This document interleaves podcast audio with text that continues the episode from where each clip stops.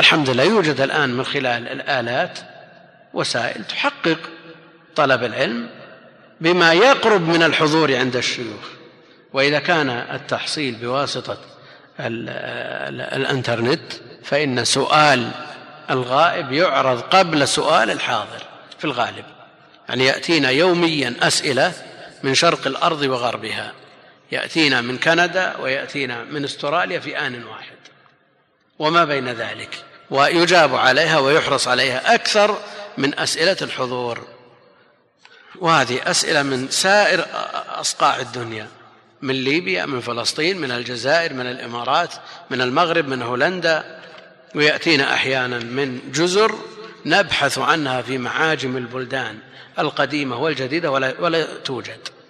مما يدل على أن هذا العلم وصل إلى كل صقع من أصقاع الأرض.